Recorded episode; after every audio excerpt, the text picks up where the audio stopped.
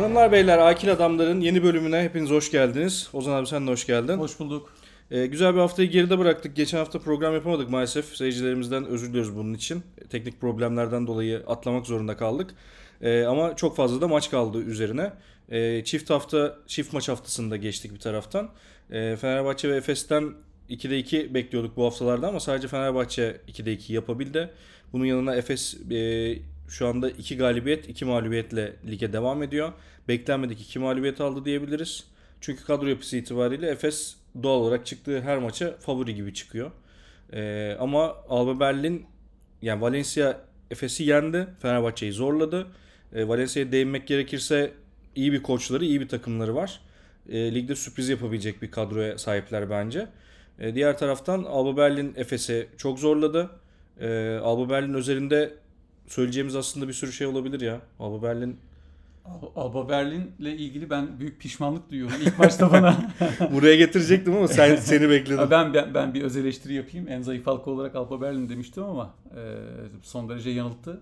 3'e 1 başladılar. Doğru ama tabii bu uzun e, vadeli bir maraton. Alba Berlin yine de e, orta sıraların altında yer alacaktır diye düşünüyorum ben. Valla şöyle maçı izledik. İzlediğimizde şeyi gördük. Kolej takımı gibi bir oyun oynuyorlar. Yani 4-5 saniyede hızlı bir hücum. Hani o bulurlar ya da bulamazları şey yapmıyorlar. Direkt 4 saniyede rakip potaya geçtikleri an rakip yarı sahaya direkt atışı deniyorlar ve hiçbir şekilde tereddüt etmiyorlar bundan yani. Atış konusunda koçlara çok cesaret veriyor. Cesur Evet, oyuncular. Ve Bir kere büyük takımlarda olduğu gibi bir fırçalama durumu yok koç tarafından. Özgüvenli atıyorlar. E, Alba Berlin'de bir de şöyle bir şey oldu Okay. Seninle beraber izledik maçı salonda. Adamlar 4 eksikle geldiler buraya. E, çok önemli oyuncuları yoktu. Evet ama Evet. çok da genç bir kadrolar aynı zamanda. Evet ama felsefe ve mantalite aynen dediğin gibi bir kolej takımı havası var. E, ve bunu kim gelirse gelsin aynen uyguluyorlar. E, o anlamda iyi. Mesela Madolo gibi çok önemli bir e, Evet. şoför direksiyonda yoktu. Bir de şey yani hani bunu sanki e, takımın kültürü gibi yani hani Makabi'de olan hiçbir şekilde koç ne kadar değişirse değişsin aynı oyunu oynamaya devam ediyorlar. Ondan hiç taviz vermiyorlar. Doğru. Ee, koçları e, zaten meşhur o efsane Reneses'in yardımcısı şu anda takımın başında. Ee, İsrail Gonzalez. Ee, ve Reneses ekolü aslında hala devam ediyor diyebiliriz. Ee, seninle beraber izlediğimizde bize en çok e, etkilenen oyunculardan biri de Kumadje. Çok büyük bir fizik gücü ya. Evet. 2.24 müydü? E, 2.24 aynen öyle E, ve şey e, bu Kumadji'yi Reneses bulup getiriyor. Hikayesine kı- kısaca değinecek olursak adam G League'de başlıyor oyuna E, ve orada yılın savunmacısı seçiliyor. Arkasından bir Estadiantes macerası var. Oradan VTB ligine gidiyor. E, süre bulamıyor ama Reneses bir şekilde ondan bir squad tarafından haber alıyor ve onu e, güvenip e, Almanya'ya getiriyor. E, Böyle giderse bence 2-3 yıl içinde ciddi takımlara sıçrama yapar. Yani bir Tavares etkisi bekliyor musun? Kesinlikle. Tavares'i durdurabilecek oyuncular sıralamasında işte Mustafa Fal ve işte ileride Kumadje'yi sayabiliriz. Valla ilginç yani e, Kumancı savunmadan başka ya şu anda en azından sadece savunma tarafı biraz daha ağırlıklı. Hani Tavares ilk başladığında onun da gerçi böyle bir e, dezavantajı vardı hücum tarafında ama e, kendini ne kadar geliştirebileceğine bağlı bence bu. Kumancı ama etkili bir silah olabilir. E, iyi bir şoförün yanında etkili bir silah olabilir yani. E, diğer taraftan şeyi e, Efes tarafına gelecek olursak ben Efes tarafında sıkıntıların devam ettiğini düşünüyorum bu arada. Kesinlikle. Çünkü hatta maç esnasında da sana söyledim. Bazı noktalarda Mitsic ile e, Clyburn'un aynı anda sahada bile olmaması gerektiğini düşünüyorum. Çünkü e, birbirleriyle bir şekilde o top paylaşımını daha henüz oturtabilmiş değiller. Bunu hani ben haftalardır soruyorum gerçi sana. Sen olmayacağını düşünüyorsun hala ama ben hala bu aradaki top paylaşımının çok düzgün bir noktaya gelemediğini düşünüyorum. Bir de e, kritik anlarda Mitsic'in şoförlüğüne bırakmak yerine Clyburn'un birebirlerine bırakıyor Efes durumu. Bence burada da büyük sıkıntılar var. Yani o birebir oynama şeyi e, Efes'e biraz zarar verebilir gibi geliyor bana ama bilmiyorum sen ne düşünüyorsun bu konuda? Ee, Ben katılıyorum sana. Ee, Clyburn'un üz- üzerindeki yük çok arttı. Hatta Murat Muratanoğlu'nun e, bu sabah bir yorumunu dinledim. Ee, soyunma odasında da acaba şey kirlileri çamaşır makinesine atıyor mu gibi bir espri yaptı. Yani rolü o kadar fazla ki o kadar yüklenmiş durumdalar ki Clyburn'e. E, burada şöyle bir örnek vermek gerekirse aslında bireysel olarak baktığımız zaman tüm EuroLeague'de e, bu yıl en verim yani verimli oyuncular sıralamasında Mitsic 4. sırada, Clyburn 2. sırada. Ee, mesela son maçtaki şeylere baktığımız zaman top kullanım oranlarına baktığımız zaman 32 üçlüğün e, 32 üçlüğün 9 tanesine Babua atmış. Geri kalan üçlükleri Mitsic ve Clyburn atmış. Yani bunun şunu demek istiyorum. İkisi çok fazla top kullanıyor. Ama sonuca baktığımızda takım oyununa çok fazla yansımıyor. Yani bir Fenerbahçe gibi topu paylaşan, pas dağıtan, hı hı. trafik oluşturan bir oyunu yok henüz Efes'in. Yani bunun bundaki bence en büyük etki Clyburn'un top kullanmadaki sayıları olabilir. Çünkü Clyburn e, Ceska gibi daha işlerin bireysel yürüdüğü e, bir takımdan geldi. Daha önce de e, Daçka'da oynarken de kendisi yıldız statüsünde olduğu için yine aynı roldeydi. Dolayısıyla böyle bir takımda belki de ilk kez bulunuyor Clyburn. Ve bunun bence sıkıntısını yaşıyor. Çünkü e, orada takım şunu kabullenmiş olabilir. Clyburn'e topu bırakalım ve e, o şekilde devam edelim rolüne bürünmüş olabilir ama Clyburn'un top kullandığı dakikalarda rakiple sürekli birebir oynadı. İşi şahsileştirdiği yani şahsileştirdiği derken savunma tarafında da bunu iyi manada söylüyorum. Yani kendisine bir rakip belirleyip onunla bir mücadele içine giriyor. E, hücumda da birebir oynuyor ama sırtı dönük hücumları yani sırtı dönük birebirleri çok yüzdeli değil. Üçlük yüz, yani birebir oynayıp üçlük attığı şutlar daha isabetli gibi gözüküyor şu anda ama onların da bir kısmı ne yazık ki doğru şut gibi gözükmüyor. Şöyle e, mesela oynadık e, süre aldıkları sürelere bakacak olursak Clyburn'un bu sezonki ortalaması 34 dakika 50 saniye. Mitsic'in süresi de 35 dakika 30 saniye. Bunlar çok ciddi süreler. Tabii. Ve iki oyuncunun üzerine yük binmiş durumda. Ama ben hala iyimserim. Shane Larkin geldiği zaman e, Clyburn'un üzerindeki yükü alacaktır. Ya da ona değen top sayısı e, azalacaktır diye e, düşünüyorum. Peki şöyle bir şey soracağım sana. Şimdi e, bilmiyorum Batak oynadın mı oynuyor musun ama e, Batak'ta şöyle bir şey vardır. Fazla kozdan batma diye bir şey vardır. Biliyor musun bilmiyorum. Yani Efes fazla kozdan batabilir mi sence? Ben bununla ilgili bir örnek vereyim sana. fazla kozdan batma ile ilgili bak çok, çok güzel bir örnek. Şu anda e, Euroleague'de reboundlarda Efes 14. sırada. Top çalmada da 13. sırada. Yani bu aslında e, Efes'te işlerin çok da iyi olmadığını gösteren evet. önemli bir e, istatistik.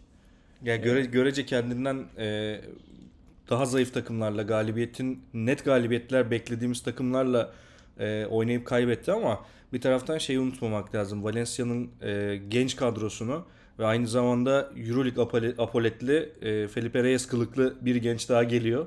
Pradilla onu da unutmamak lazım. E, dolayısıyla burada sıkıntı yaratan noktalarda bir de aynı zamanda hakemlerin de kötü yönetimi. Yani bunu Fenerbahçe tarafındaki maçlar için de söyleyebiliriz. Euroleague hakemlerinin e, yine çok tutarlı ve e, birbirine eşleyen kararlar vermediğini görüyoruz. Valencia maçının sonunda da bunları yaşadık. Dolayısıyla hani burada bir gene bir soru işareti var aklımızda Euroleague yönetimine karşı ama daha çok yeni tabii ki ligi her şeyden önce. Bunların biraz toparlanması lazım ama büyük maçlara gelmeden evvel e, bu hakem e, yönetimlerini görmemiz beni biraz korkutuyor açıkçası. Yani o lobileşmenin hala devam edebileceğine dair bir hissiyat var şu anda bende. Ya e, tabii bu hem takımlar için hem hakemler için uzun bir maraton. E, Valencia maçından sonra e, Ergin Ataman'ın şöyle bir demeci oldu. Evet hakem hataları olmuş olabilir ama biz kendimize bakmalıyız. Bizim yenilgimizle hakemlerin bir ilgisi yok dedi. Güzel, olgun bir yorum yaptı. E, burada biraz takımın tabii dönüp kendisine bakması lazım. Hala e, işte emektar, yaşlı Dunstan'ın e, ciddi katkıları oluyor. Tabii. Dunstan oyunda olduğu süre içerisinde Alba Berlin maçında e, artı 14 yazdı. Polonara ile birlikte ikisi sırtladılar takımı ve epey götürdüler. Burada da şu ortaya çıkıyor. İşte geçen sene kimler vardı? Hep seninle konuşuyoruz. Moerman, Singleton e, ve Anderson gittikten sonra maalesef şu anda Efes'te sert adam sıkıntısı var. Evet onu yani söylemiştim iç, ben içeride sana. E, caydıran, e, rakip guardları korkutan bir e, sert adamımız yok. Maalesef.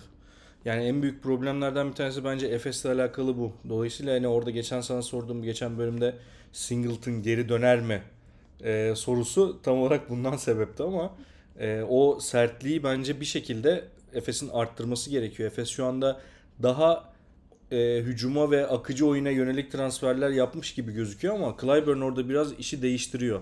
Aynı zamanda bunu Clyburn'un bunu sağlamasının sebebi de e, takımın geri kalanındaki top kullanma yüzdesini düşürdüğü için oyuncuların buna karşı bir e, yani bir yerden sonra hani böyle hep herkes hepimiz oynadık basketbol takımlarında ya da oynayanlar bilir belki.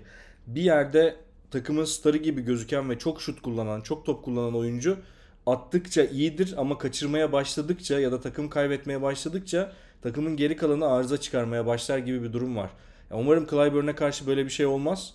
Ama şu anda hali hazırda gözüken durumda biraz böyle sanki e, yüz ifadelerinde böyle bir şey görüyorum. Hani topun daha fazla paylaşılması gerektiğini görüyorum. Çünkü Efes bununla nam salmış. E, bununla 2 Euroleague şampiyonluğu almış bir takım. Ama buradaki topu şoföre bırakıp o şutu kullanmayı tercih etmek mi? Yoksa top elimdeyken e, rakiple birebir oynayayım mı e, seçmesi lazım bence takımın ya da Ergin'in. Ee, tabii geçen seneden tabii en önemli farkı geçen sene 4 şoför vardı ve belki de o dördü içerisinde en iyi dağıtım ve beyin kısmında olan e, malum e, Malatyalıydı. Evet. Bir Malatyalı yok artık.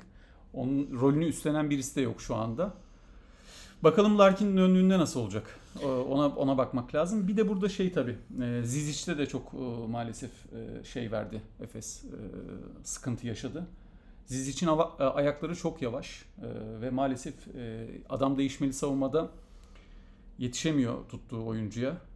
Oradan da pot altında handikaplarımız oldu. Turnikeler yedik. Orada yine işte Dunstan devreye girdi.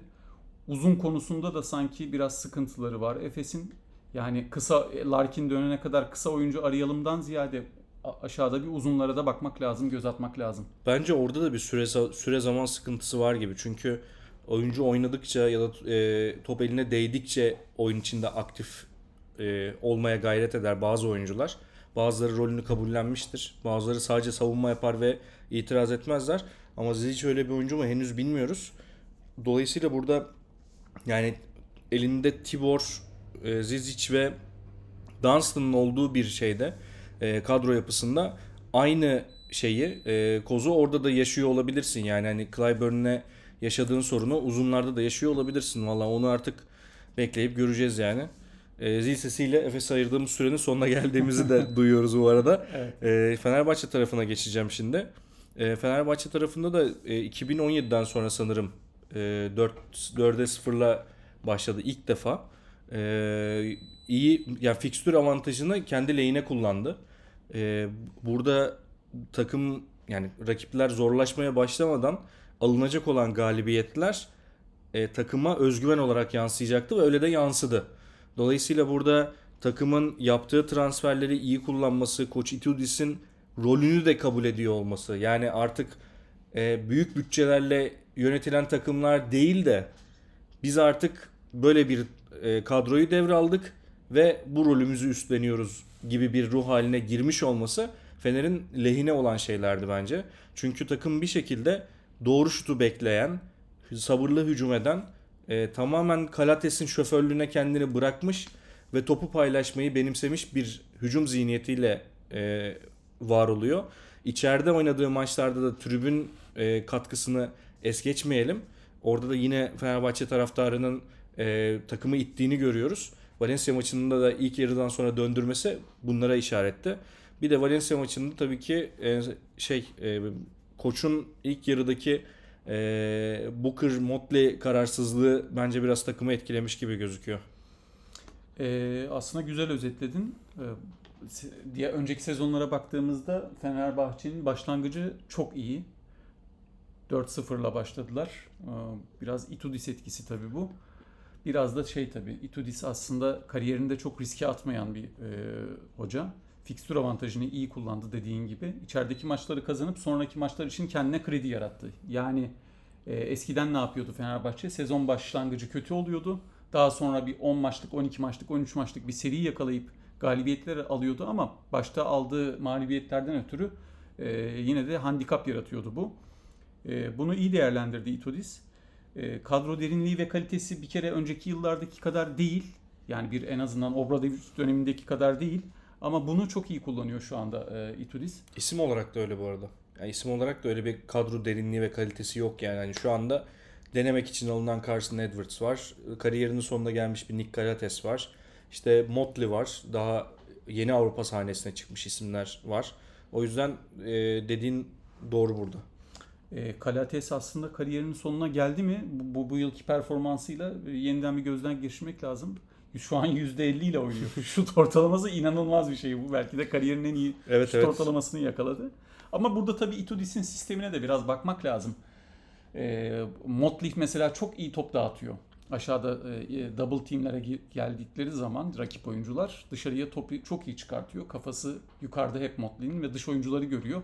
Kalates de e, topu olduğu gibi alıp hiç aşağı indirmeden e, o takımın kendisine inanmasıyla, özgüveniyle şutları sokmaya başladı. Bu tabii çok iyi bir şey Fenerbahçe için. E, diğer e, oyunculara baktığımız zaman Wilbeck'in e, savunmada bir kere takımı çok iyi ateşliyor. Savunmadan başlatıyor hücumu. Ki normalde Wilbeck'inden görmediğimiz şeyler bunlar. Yani hep kariyerinin kariyerini özetleyecek olursak Wilbeck'inin e, sadece patlayıcı bir şekilde buldu mu şutu atan ve azan bir yapıya sahip olduğu için savunma tarafında neredeyse kariyeri boyunca hiç yoktu. Şu anda bambaşka bir rolü kabul etti. Evet, doğru. Yani bunu da koç başarısı olarak sayabiliriz. Yani oyuncuyu buna ikna etmek, rolüne ikna etmek ve kabul ettirmek bir koç başarısı bence burada. Aa, haklısın Ee, ama ben benim şu an e, Fenerbahçe'de en iyi, en beğendiğin oyuncu kim dersen belki Kalates'ten sonra bir de Motley'i sayabilirim. Evet. Müthiş bir patlayıcı güç. Ee, Itudis onu çok iyi bulup getirmiş. Her topa elini kolunu sokan bir adam. İkinci sıçraması çok iyi. Reboundlarda hep var. Ee, müthiş bir patlayıcı güç. Ee, peki Fenerbahçe'nin handikapı ne dersen belki o da işte Booker diyebiliriz. Ee, hem şutları e, özgüvensiz bir şekilde atıyor hem de savunmada e, zaaflar veriyor şu anda. Valla sezon ortasında belki e, kadro yapılanması olarak Itudis'in biraz daha elinde bazı güçler olabilir. Çünkü genellikle takımlar e, takımların e, sezon içindeki şeyleri, e, durumları belli olmaya başladığı zaman oyuncular e, duruma göre hareket edip ortamdan biraz e, çıkmak istiyor duruma geliyorlar. Yani burada bir şey olmayacak. Ben artık yavaş yavaş e, ceketimi alayım ve uzayayım durumu oluyor. Orada Fenerbahçe iyi bir durumda kalabilirse yani playoff potasında kalmaya devam edebilirse e, eli güçlenmiş olabilir transfer konusunda. Dolayısıyla buraya oraya gelmeden evvel şu anda dediğim gibi fikstür avantajı ile beraber e, direkt rakiplerini yenmesi çok büyük avantaj. Ama e, yeniden şeye dönecek olursak Efes'in güçlü rakip şey Fenerbahçe'nin güçlü rakiplere karşı e, gelecek olan maçlarında asıl tabloyu daha net bir şekilde göreceğiz bence.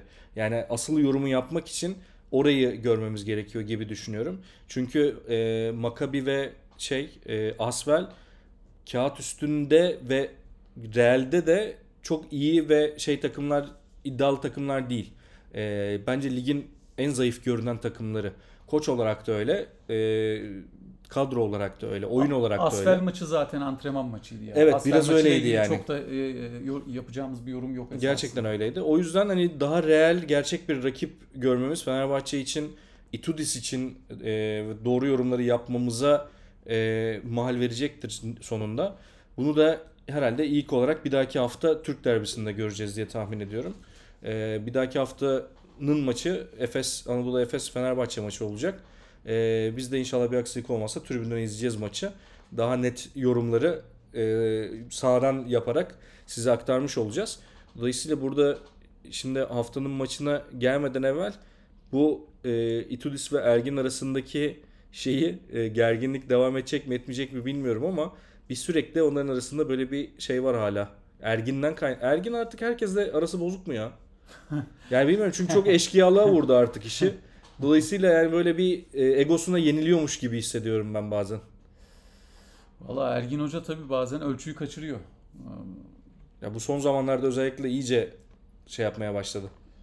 Ee, ba- Abartmaya ba- başladı. Bazen de kendisinden beklenmedik bir şekilde çok olgun açıklamalarda da bulunabiliyor.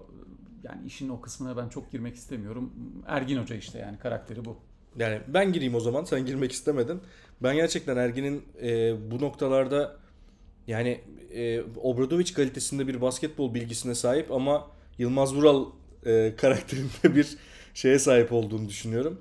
E, asıl temel sıkıntısı bu gibi gözüküyor. Yani bence çok e, bu dönem özellikle son aldığı iki üst üste şampiyonluktan ve hedefine koyduğu üçüncü şampiyonluk için biraz bence egosuna yeniliyormuş gibi hissediyorum. Bunu takımın üstünde de görebiliyoruz. Çünkü Efes oynadığı rakiplerde siz bizim ayarımızda değilsiniz. Biz biraz sıksak sizi yeneriz kafasında oynuyor. Aslında temel problemlerden bir tanesi de bu gibi gözüküyor. Yani kadro her şeyi başarmış. iki şampiyonluk almış. Üçüncü için kendine hedef koymuş ama o fazla başarıdan böyle biraz doygunluk hissiyatına erişmiş gibi geliyor bana. Çünkü rakiplere karşı böyle bir küçük bir şey görüyorum yani. Hani oyunu sıktıkları anlar var mesela. Kemerleri sıkıyorlar bir. Böyle bir 10-15 sayı ileri atıyorlar. Sonra gene yavaşlıyorlar. Rakip tekrar yetişiyor. Bunu 4 maçta da gördük bu şekilde olduğunu. Efes'in oynadığı 4 maçta da. Dolayısıyla bu bence koçun, koçun hissiyatının biraz da takıma yansıması gibi görüyorum. Çünkü e, bu şey gibi yani bir anne ne kadar gergin olursa yavrusunda gerginliği o kadar geçer gibi bir durum bu yani. Takımın üstünde de aynı etki oluyor bazen. Şöyle Ergin Hoca'nın aslında o e, karakteristiği e, kendisini 4 senedir izliyoruz Efes'in başında. Ergin Hoca kendisi de bireysel olarak bir hoca olarak geç form tutuyor. Sezon başlarını düşün hep. Hep bir böyle e, tatminsiz bir başlayış. Ama sezonun ilerleyen bölümlerinde Ergin Hoca da kendine çeki düzen veriyor. Dersini çalışıyor, gerekli düzeltmeleri yapıyor ve o da forma giriyor. Peki bunu şöyle bir şuraya bağlayayım buradan madem öyle. Ee, şimdi bu e, NBA şey GM'lerine galiba sorulmuş. Ee, işte EuroLeague'den e, draft Euroleague GM'lerine soruldu. şey EuroLeague GM'lerine pardon NBA nereden çıktı? EuroLeague GM'lerini hangi oyuncuyu draft edersin ya da hangi takımı seçersin falan gibi. Bu listede Efes yoktu.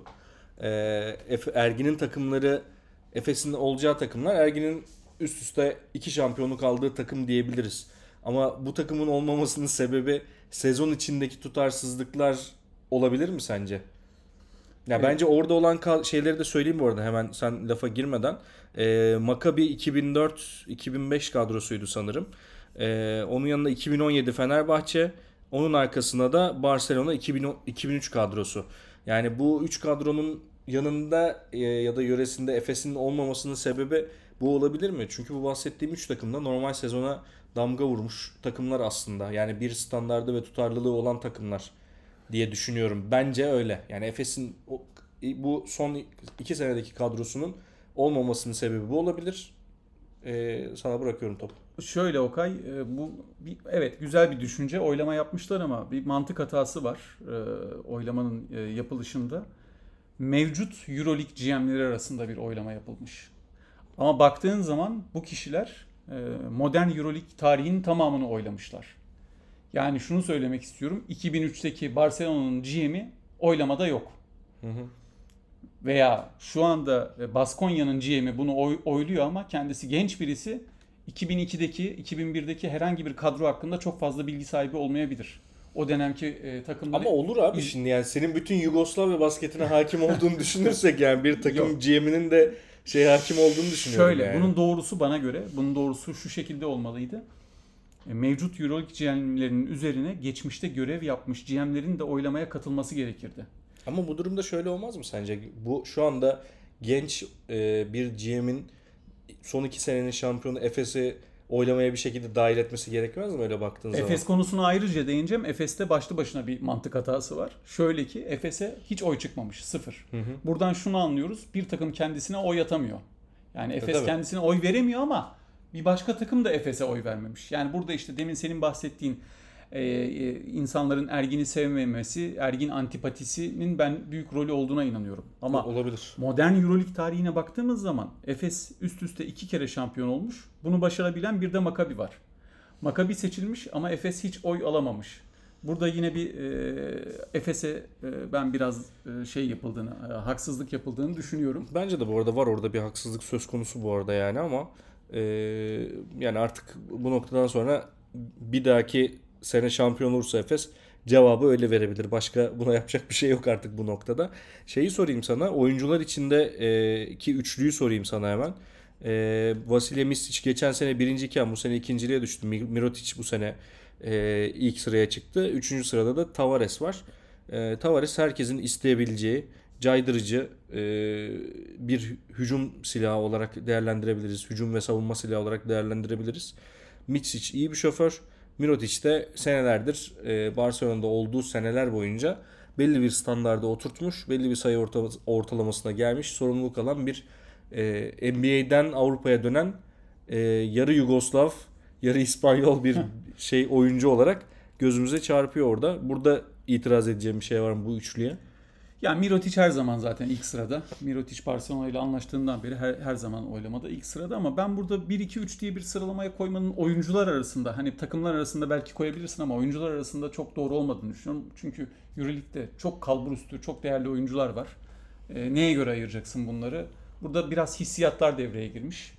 Mirotic'e olan bir se- sempati söz konusu ya da Mike James'e olan bir antipati söz konusu. Doğru olabilir. Yoksa Mike James yetenek olarak Mirotic'ten e, daha az değerli bir oyuncu değil bana göre. Ama kişisel özelliklerinden dolayı e, orada Ya tabii bir şey... bunlar bunlar etkiliyor tabii ki yani bir taraftan. Çünkü şöyle de bir şey var. Şimdi e, şeye de değineyim buradan hemen. Oyuncu kalitesi çok yukarı çıkmış durumda EuroLeague seviyesinde. Çünkü burada e, biraz evvel seninle işte yayından önce şeyi konuşurken e, Efes Fenerbahçe maçının yanına bir maç daha koyalım dedik seninle. Koyamadık mesela. Karar veremedik yani. Çünkü kadro kaliteleri artık çok yukarı çıkmış durumda. Dolayısıyla e, birkaç takımın birbiriyle yaptığı maç hariç diğer maçlar zaten e, yani hepsine kefiliz yani. Hepsi daha böyle e, bize beklediğimizi verecek basketbol kalitesini sunabilecek maçlar. Dolayısıyla burada oyuncu kalitesinin arttığını artık bazı şeylerin ihtiyaca göre olduğunu, bu seçimlerin sıralamasının değişebileceğini ben de kabul ediyorum bir taraftan. E, son olarak Olympiakos'a değinmeden geçmek istemiyorum. E, 4 galibiyetle başlayan bir takımda Olympiakos ama yendikleri takımlar e, İspanya turnesinden İspanya, evet. 3'te 3'le döndüler. İspanya'yı komple fethedip yanına bir de ligin bence teknik olarak e, ve fiziksel olarak en iyi savunma yapan, en doğru savunma yapan takımlarından biri olan Zalgiris'i yendiler. E, Zalgiris'in kar- kısıtlı kadrosunu ve genç kadrosunu göz önünde bulunduracak olursak gerçekten basketbol doğrularını fundamental olarak çok doğru yaptığını söyleyebilirim. E, Olympiakos'un da bu fikstürden yani Real Madrid, Barcelona, Baskonya ve Zalgiris fikstüründen 4'te 4 galibiyetle çıkması çok büyük iş bence. Bartsokas'ı ve takımını burada tebrik etmek gerekiyor. Aynı zamanda e, şoför olan Slukas ve e, bizim Gökhan'ın çok seveceği savaşçı, e, kavgacı Vezenkov e, çok büyük etkili. Yani Olympiakos kadroyu koruyarak çok büyük iş yaptı ve iyi bir yolda da gidiyor. Benim herhalde Euroleague'de şu anda en beğendiğim takımlardan bir tanesi olabilir. Ee, şöyle e, baktığın zaman bir yıldızlar topluluğu mu? Değil. Bir Barcelona gibi değil Olympiakos. Ama iyice takım oturdu. Bence aslında Olympiakos özüne döndü. O Yunan kültürüne döndü. Ee, eski yıllarda olduğu gibi 2-3 temel Yunan parçanın etrafına doğru isimleri konumlandırarak Bartsokas iyi bir iş çıkartıyor şu anda. Sulukas tam anlamıyla olgunluk döneminde e, çok güzel yön veriyor. Vezenkov çok savaşçı, kilit bir oyuncu. Larentzikis de onların yanında bence son e, özellikle son çeyreklerde acayip performanslar Aynen sergiledi. öyle Okay. İşte bak Yunan oyuncu çıkartıyorlar. Biz bu şeyi e, maalesef e, Türk oyuncularda böyle bir ismi ön plana çıkartamadık. Biraz geçen sene Buğrahan parladı. Buğrahan'ı bu, bu yıl yine unuttu e, Ataman. E, dolayısıyla işte orada bir Yunan kültürünün bizden ayrıl, ayrıştığı nokta bu. Oyuncu çıkartmak, oyuncu parlatmak. Evet evet yani bizde işte şu ana kadar gördüğümüz geçtiğimiz haftalarda Buğra'nın ilk 5 başladı. Ee, Erten Gazi'nin Alba Berlin maçında enerji katmak için bence e, ilk 5 başladı. Aynı zamanda Itudis'in de e, Metecan Birsen'i çok fazla kullandığını görüyoruz. Bunlar iyiye işaretler. E, umuyorum ki biz de e, artık Euroleague seviyesinde oynayan, NBA'ye gitmeden Euroleague seviyesinde oynayan oyuncularımızı e, Euroleague piyasasında sunmuş oluruz. Sertaç gibi örneklerin artması gerekiyor bizim basketbolumuzun da kıymetlenmesi, değerlenmesi ve bizim de bazı turnuvalarda artık en azından söz sahibi olabilmemiz için. Evet katılıyorum sana. O zaman bu haftalık bu kadar diyoruz. Haftaya e, Fener Efes maçından sonra, güzel bir Fener Efes maçından sonra görüşmek dileğiyle diyoruz. Ağzına sağlık kaptan. Senin de ağzına sağlık. Görüşmek üzere.